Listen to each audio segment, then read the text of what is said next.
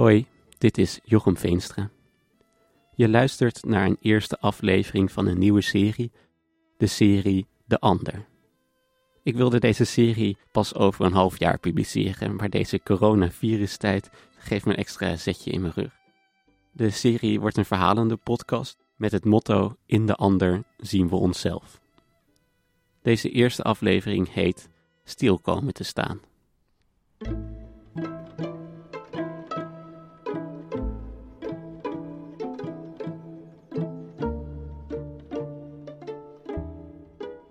Misschien ben je bang. Ik ben bang. Bang om in het ziekenhuis te belanden. Zometeen ben ik een van diegenen die aan het beademingsapparaat ligt. Zit ik vast in mijn eigen lijf, vast aan een apparaat? Ben ik stil komen te staan? Wat is dat, stil komen te staan? In drie actes zoek ik uit wat dat voor mij betekent. Allereerst in een metafoor van Murakami. Daarna een eigen geschreven tekst. En tot slot een gesprek met psycholoog Koos Koblenz over wat angst is en wat het kan veroorzaken.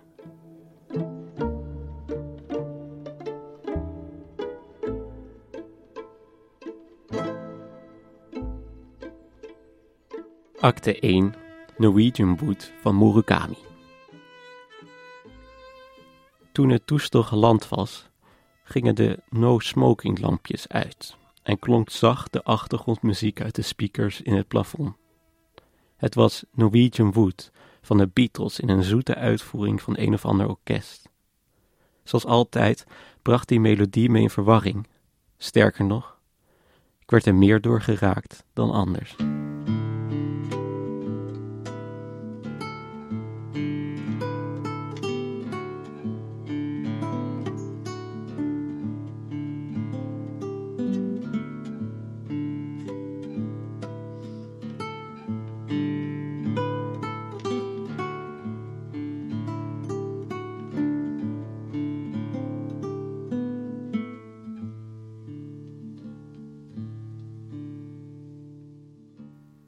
Hierna beschrijft Murakami hoe een stewardess naar de ik-persoon loopt en vraagt of alles wel goed gaat. De ik-persoon zegt dat hij overmand is door een herinnering, een herinnering aan Naoko. Naoko die opgenomen was in een instelling die zich bevond in de bergen van Japan. Een prachtig landschap, een plek waar hij maar één keer op bezoek is geweest. En dan schrijft Murakami. Wat vertelde ze me toen ook alweer? Oh ja, ze vertelde me over de veldput. Ik weet niet of die put nu echt bestond of niet. Misschien was het een beeld of een teken dat alleen in haar hoofd bestond, zoals zoveel andere zaken die ze in die donkere dagen in haar hoofd spon. Toch heb ik, nadat Naoko me dit verhaal van de put had verteld, nooit meer aan het landschap met het grasveld gedacht zonder het beeld van die put. Deze put, die ik in werkelijkheid nog nooit had gezien, zat in mijn hoofd stevig vastgeklonken aan het grasveld als een onlosmakelijk onderdeel ervan. Ik had een heel gedetailleerd beeld van deze put. Hij bevond zich precies op de grens van het grasveld en het bosje, een donker, gapend gat met een doorsnee van een meter dat door het gras kunstig aan het oog werd onttrokken. Er stond geen hek omheen. En er was ook geen opstaande stenen rand. Alleen dat gat dat daar zijn mond opende, de stenen van de rand waren verweerd en tot een vreemd, modderwit verkleurd. Hier en daar waren stukken steen afgebrokkeld en in de put gevallen. Groene hagedisjes gleden tussen spleten en kieren, ook als je voorover leunde, en in het gat keek, kon je niets zien. Het enige dat je kon vaststellen was dat het angstaanjagend diep was, zo diep dat je er geen voorstelling van kon maken, dat gat zat volgepropt met duisternis. Zo'n intense duisternis alsof alle soorten duisternis van de wereld waren samengekookt in deze put. Hij is echt, echt heel diep, zei Naoko, zorgvuldig haar woorden kiezend. Zo nu en dan praatte ze op die manier, dan sprak ze heel traag, zoekend naar de juiste woorden. Echt diep. Maar niemand weet waar die put is. Het moet wel hier ergens in de buurt zijn. Met haar handen in haar zakken van haar tweetjas keek ze me aan met een glimlach die echt waar zei. Dat is wel gevaarlijk, zei ik. Een diepe put waarvan niemand weet waar die is. Als je erin valt, ben je verloren. Dan ben je verloren. Zoef, boem, afgelopen. Zou dat nou wel eens echt gebeurd zijn? Af en toe, eens in de twee, drie jaar, plotseling verdwijnt er iemand en die is niet meer te vinden. Oh, die is vast in de veldput gevallen, zeggen mensen in deze buurt dan. Geen prettige manier om dood te gaan, zei ik. Het is een vreselijke manier om dood te gaan. Ze veegde een paar grashalmen van haar jas. Als je nou in één keer je nek brak en op slag dood was, zou het nog gaan, maar stel dat je nou alleen je voeten verzwikt. Dan ben je zuur. Hoe hard je ook roept, niemand die je hoort. Er is geen enkel vooruitzicht dat iemand je vindt, het krioelter van de duizendpoten en spinnen. De witte botten van mensen die er voor je zijn overleden liggen om je heen. Het is er donker en klam. En boven je hangt een heel kleine cirkel van licht, als de maan in de winter. En daar ga je dan helemaal alleen langzaam dood. Bij de gedachte alleen al krijg ik kippenvel, zei ik. Iemand zou moeten vinden en er een hek omheen zetten. Maar niemand kan die put vinden. Daarom moet je ook op de paden blijven. Doe ik. Naoko haalde haar linkerhand uit haar zak en pakte mijn hand. Maar jij bent veilig hoor. Je hoeft je geen zorgen te maken. Zelfs als je hier midden in de nacht roekeloos rondliep, zou je absoluut niet in de put vallen. En zolang ik bij je in de buurt blijf, val ik ook niet in de put. Zeker weten? Zeker weten. Hoe weet je dat? Ik weet dat soort dingen gewoon, zei Naoko, terwijl ze me stevig in mijn hand kneep. We liepen een tijd lang zwijgend verder. Met dit soort dingen zit ik er nooit naast. Het is geen kwestie van logica. Ik voel het. Als ik je bijvoorbeeld stevig vasthoud, ben ik helemaal niet bang. Slechte dingen of donkere dingen hebben dan geen enkele vat op me. Nou, dat is dan de oplossing.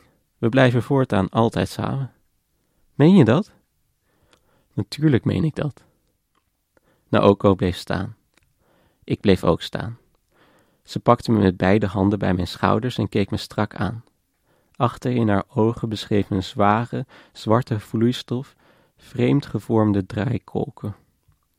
Deze mooie ogen keken lange tijd naar mijn binnenste. Daarna strekte ze zich uit en legde haar wang zacht tegen mijn wang. Het was zo'n warm en teder gebaar dat het me een seconde de adem benam. Dank je, zei Naoko. Graag gedaan, zei ik. Ik ben blij dat je dat zegt, echt, zei ze met een verdrietige glimlach. Maar het kan niet. Waarom niet? Omdat het niet mag. Omdat het heel erg zou zijn. Dat begon Naoko, maar ze stokte plotseling en liep weer door. Omdat ik begreep dat er allerlei gedachten in haar hoofd ronddraaiden, liep ik zonder iets te zeggen naast haar verder. Het zou niet goed zijn, voor jou niet en voor mij niet, vervolgde ze na een tijdje.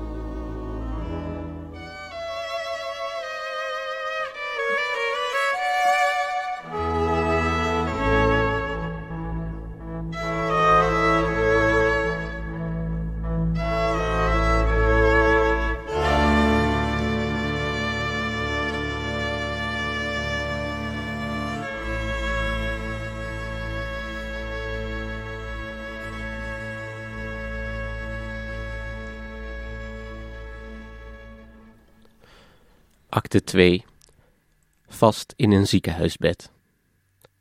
Een tekst door Jochem Veenstra, mijzelf.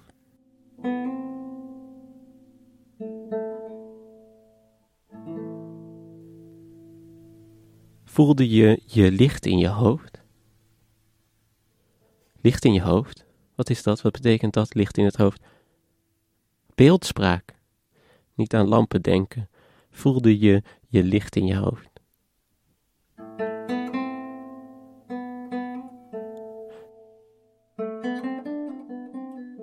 De dokter heeft gezegd constipatie. Ze denken aan constipatie. Je moet vandaag bewegen. Alleen zitten is al niet te doen. Ze knikt. Blauwe ogen kijken me aan. Diep blauwe ogen. Iets zeggen. Niet aan de blauwe ogen denken. Of bewegen. Vanochtend werd ik optimistisch wakker. Zat ik een kwartier en kreeg ik hevige pijnen. Voor de activiteit van de darm is het belangrijk. Een doel? Een doel. Misschien moet ik een doel hebben. Oké. Ik wil je drie keer bij mijn kantoor zien. De eerste poging als ze weg is. De gang is 20 meter. 20 meter. 20 meter, maar 20 meter. Ze schat 20 meter. Bijna omvallen, me vasthouden. Constipatie. Uitzichtloos, gehuild. Constipatie. Geen diagnose. Ja, constipatie. Twee keer per dag poepen en constipatie, die laxeermiddelen, die hebben toch ook geen zin gehad. Niet liggen, bewegen. Eerder flauw gevallen bij het staan. Alleen maar tien minuten staan. Geen problemen met discipline. De onderzoeken die wijzen erop dat er niets mis is. Je kan lopen. Je kan bewegen. Is niet schadelijk.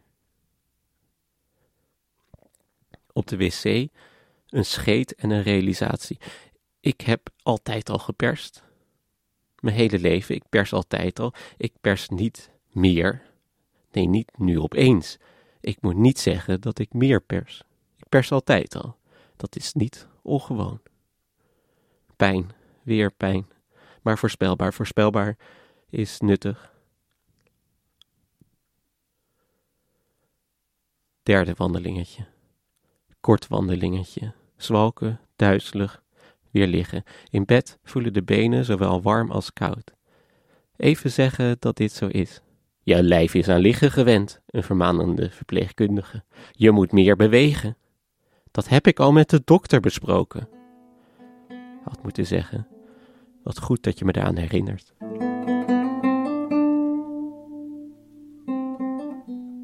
Pijn beschrijven is als een nieuwe taal leren. Je moet woorden vinden voor een primaire prikkel, details herkennen en die eraan toevoegen. Pijn als de darmen borrelen, dan gaat het vastzitten. Daar is de pijn. Schaal eraan toevoegen. 9. Soort pijn. Stekend. Het helpt om het voeteneinde op te laten gaan. Dat kan met ziekenhuisbedden. Daar hebben ze een knopje voor. Thuis niet. Daar een kussen gebruiken. Niet je hand erop leggen. Dan wordt het warm en neemt het borrelen toe. En alleen op de rug liggen, zodat er zo min mogelijk druk op de buik is. Hevigheid van de pijn in eigen woorden. Deze pijn, deze pijn verlamt. Vlammend is zo onbekend. Bij geweld er naartoe. Bij nood iemand helpen. Bij rare geluiden schreeuwen. Maar deze pijn, deze pijn verstijft. Staren naar een plek aan de wand, de adem stokt. Niet bewegen. Niet bewegen, zegt het hoofd. Alleen maar pijn. Een buik met pijn is een hoofd met pijn. Trainen om naar boven te gaan staan. Er ligt iemand in bed. Het is een man. Nog niet zo oud.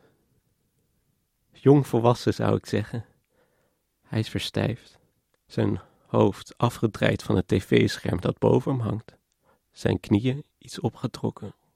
Pijn heeft hij. Heeft hij pijn? Verder met observeren. De buurman naast hem die snurkt niet. Nee, dat zijn straatgeluiden. Een motor, ver weg.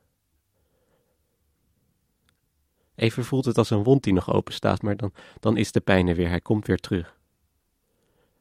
Het knarsbitje. Net een speen. Nog nooit zoveel gehad aan het knarsbitje. Troostrijk. Wat ook troost is de knuffel van mijn broer. Godverdomme, bijna dertig. En getroost met de knuffel en het werk. Verpleegkundigen die doen zo normaal over pijn. Cijfers, soort, ratel de ratel over de toetsenborden, de computers in. De cows, de computers on wheels.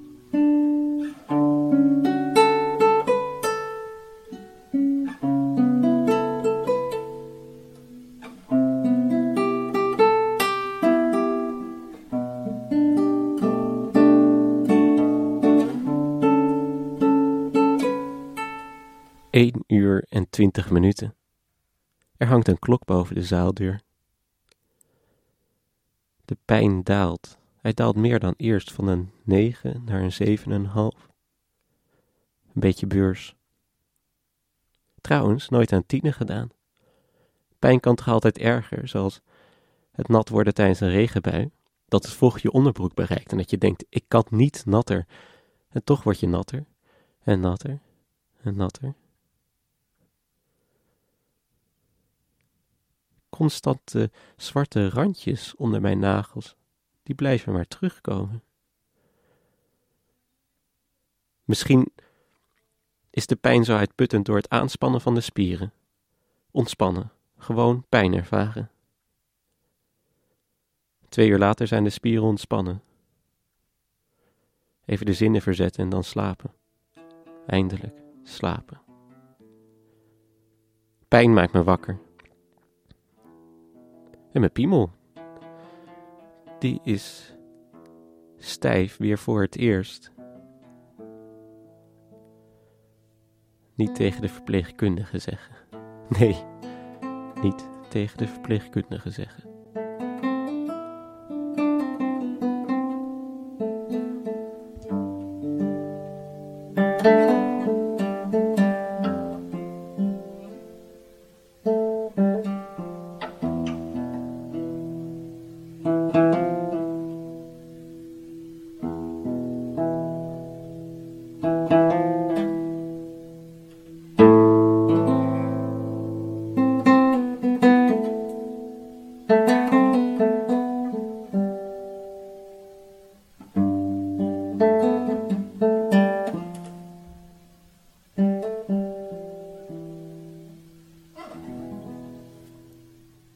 Acte 3. Gesprek met psycholoog Koos Koblenz. Koos Koblenz is een psycholoog met een praktijk die huiselijk overkomt. Het is een zolderkamer met veel licht, een zithoek met een hoogpolig vloerkleed en een bureau om aan te werken. In het najaar van 2019 ben ik bij hem op bezoek.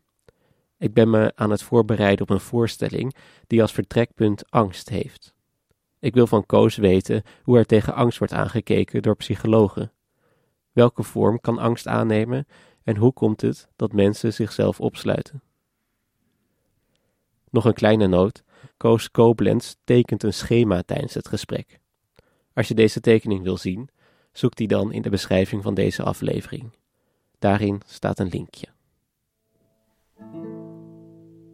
Angst is in psychologieland uh, gecategoriseerd in, uh, in bijvoorbeeld uh, paniekstoornis met agorafobie. Nou, dat betekent eigenlijk, ik, ik, krijg een paniekaanval en ik durf niet meer naar buiten. Ja. Met pleinvrees. maar je hebt ook bijvoorbeeld gegeneraliseerde angst. Dat is eigenlijk, je overal bang voor bent. Het is meer een langere staat van zijn. Ja, ik ben bang om een paniekaanval te krijgen. Maar als ik de tv kijk, dan ben ik ook dat, bang dat morgen de wereld vergaat. Zeg maar. Uh, of ik ben bang dat mijn broertje iets overkomt elke dag te, ja. als hij naar school gaat. Of ik noem maar wat. Weet je ja. en die uiten zich heel anders. Nou, het uitzicht uiteindelijk, dat is de grap, in, allemaal een beetje dezelfde, op dezelfde wijze. en dat is dat, dat je vaak ziet waar, waar de angst ook zit. Het gaat altijd olievlekken. Dus ik zie heel vaak dat, dat, dat er angst ontstaat door wat dan ook. Maar dat vervolgens het, het, als het ware zich gaat uitbreiden naar ook angst voor met de trein te gaan. Of ook in één keer bang om in de, in de supermarkt te staan. En weet je wel, dus, dus zo, het, het wordt wel gecategoriseerd. Dus uh, gegeneraliseerde angst, uh, paniek, angst voor paniekaanvallen, sociale angst, echt fobieën, angst voor spinnen. Maar vaak zie je met die angsten dat het op een of andere wijze toch olievlekt naar verschillende gebieden. En waar komt dat door? Nou, dat komt doordat de anticipatie op angst. Dus stel dat ik bijvoorbeeld een paniekaanval op maandag in de trein krijg, of zo, ik noem maar wat. En ik ga op, op, dinsdag ga ik niet naar, naar de trein. Dan heb ik eigenlijk een soort succeservaring voor mezelf. Dus, want ik heb geen paniekaanval gekregen, weet je wel. Dus het is een veiligheidsgedraging. Ik, ik breng mezelf in veiligheid door, door niet met de trein te gaan. En vervolgens zeg ik die dinsdag, zeg ik van nou, dat is eigenlijk best wel een goed, uh, goed idee geweest. Geen paniekaanval gekregen. Weet je wat, die tram die ga ik ook maar niet pakken. Weet je wel. Uh, en vervolgens sprak ik de tram niet. En dan heb ik ook geen paniekaanval gekregen. Dat is eigenlijk dubbele succeservaring. Maar die tram, die refereer ik aan drukte. Dus weet je wat ik ook doe? Ik ga sowieso, die, die liften ga ik ook maar vermijden. En die, die supermarkten, die, die zijn eigenlijk ook druk. Dus ja, beter ga ik daar gewoon ook niet heen. Want dan weet ik zeker dat ik geen paniekaanval krijg. Zo zie je dat het langzaam dat, dat, dat mensen steeds meer terrein eigenlijk verliezen. En de mensen die ik spreek, die, die hier met angst komen, eigenlijk de, de, de grootste lijdensdruk waar zij mee zitten, is niet zozeer uh, die paniekaanval zelf, maar het terrein wat ze verliezen. Dus dat is veel erger. Zeg maar. Uiteindelijk, uh, als dat zich manifesteert in, in alleen nog maar in je eigen huis met bepaalde voorwaarden je beweging maken, ja, dan is het leven natuurlijk wat minder verminderd. En daar is de therapie ook op gericht. Ja, daar is de therapie eigenlijk op gericht, inderdaad, om die, die veiligheidsgedragingen te doorbreken. Dus je hebt, je hebt eigenlijk drie smaken. Zou ik dat tekenen? Dus je kan zeggen van uh, je hebt je, uh, je gevoel uh, en je hebt je gedachten en je hebt je gedrag. En feitelijk kan je bij angst zeggen van nou dit zijn een beetje de kleuren waar je mee kan werken. Als je er iets aan wil doen.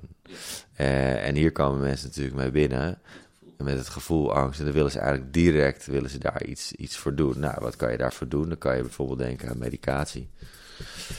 Want medicatie, als jij angstremmers slikt, of je gaat ze flink de alcohol, nou, dan uh, doet dat zijn werk wel, weet je wel. Dus, uh,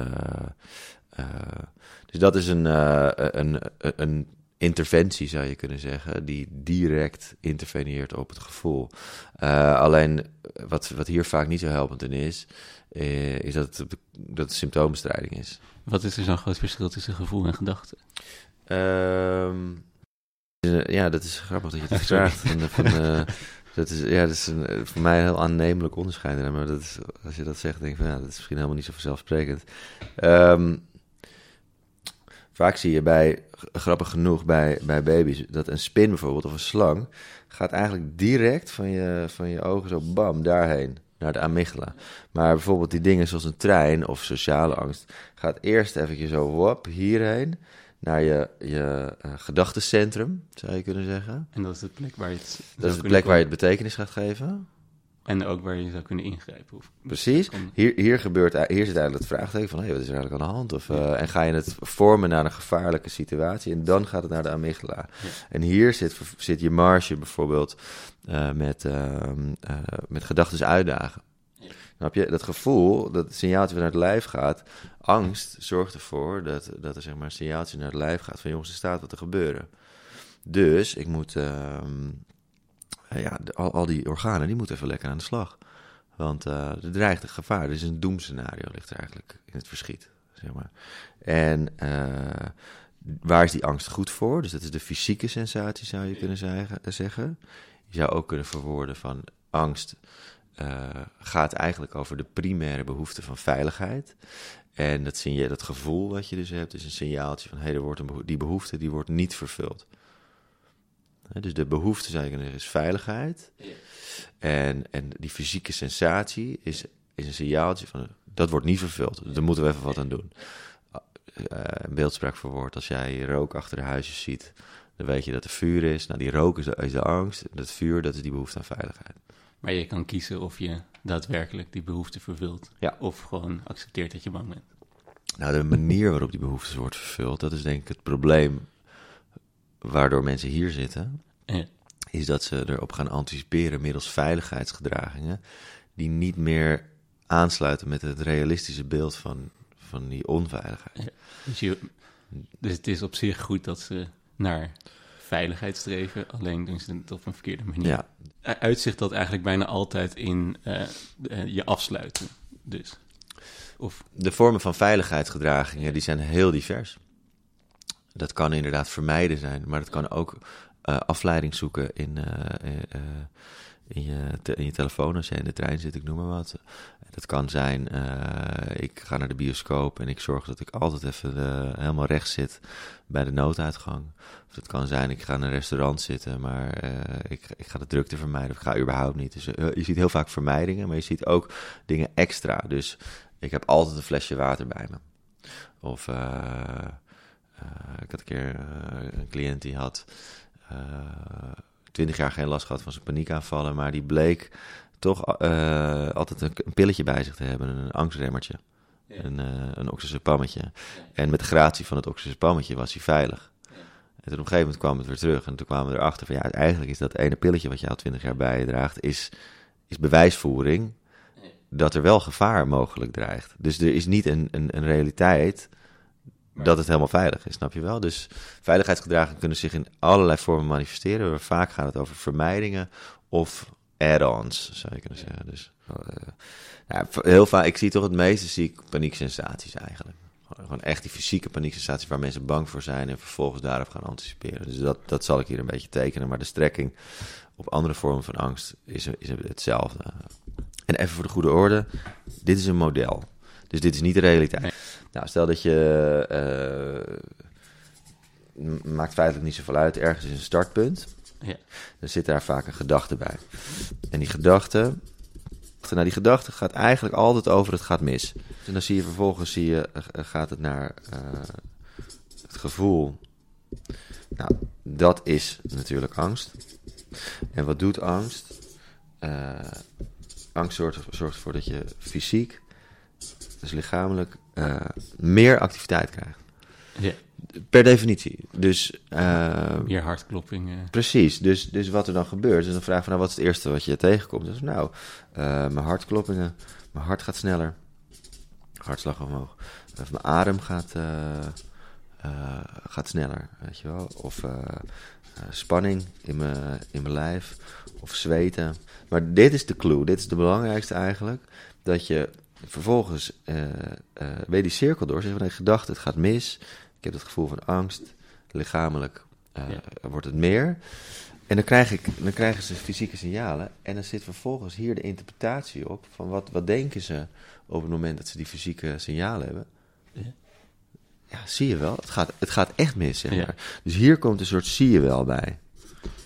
Terwijl we allemaal misschien wel een snelle hartslag, meer adem, spanning, nou, zweten, allemaal wel ervaren. Het is al twee voorbeelden. Uh, misschien nu ook wel een beetje. Ik weet ook een beetje Precies, weet je wel. Of, je, of wij, wij, rennen allebei naar de trein die we, die we missen. En, en ik sta bij die trein met een verhoogde hartslag. En ik denk, uh, nou, ik mag wel een keertje eh, vaak naar de sportschool.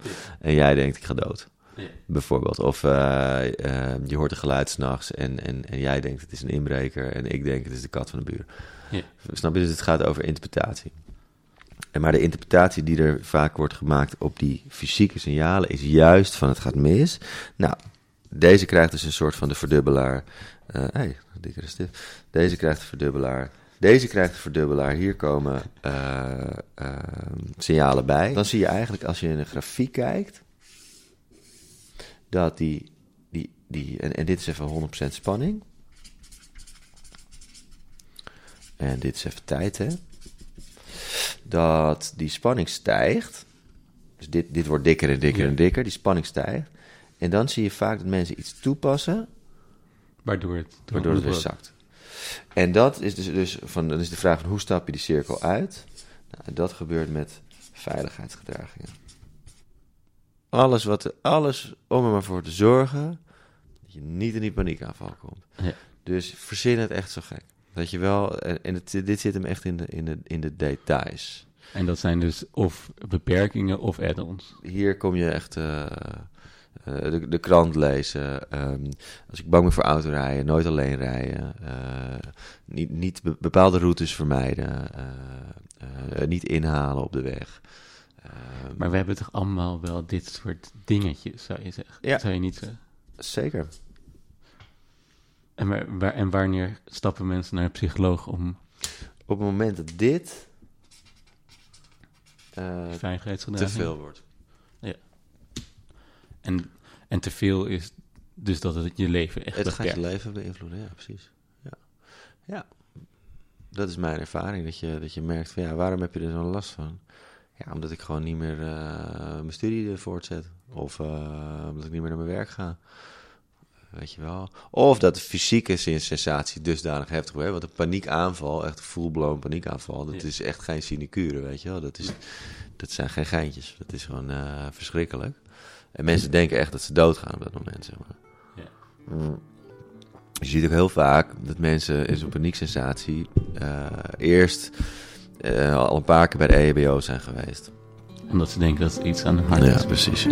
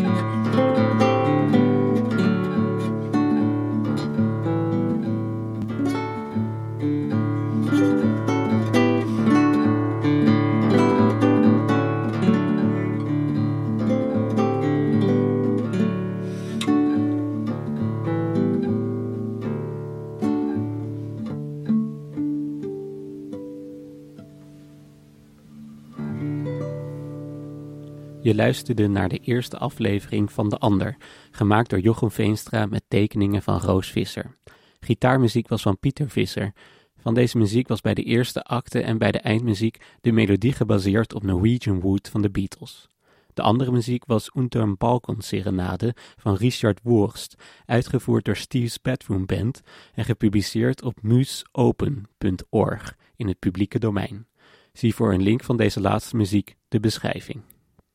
Acte 1 was een stukje tekst uit het eerste hoofdstuk van Norwegian Wood, geschreven door Haruki Murakami en vertaald door Elbrich Venema, uitgegeven door uitgeverij Atlas 2007.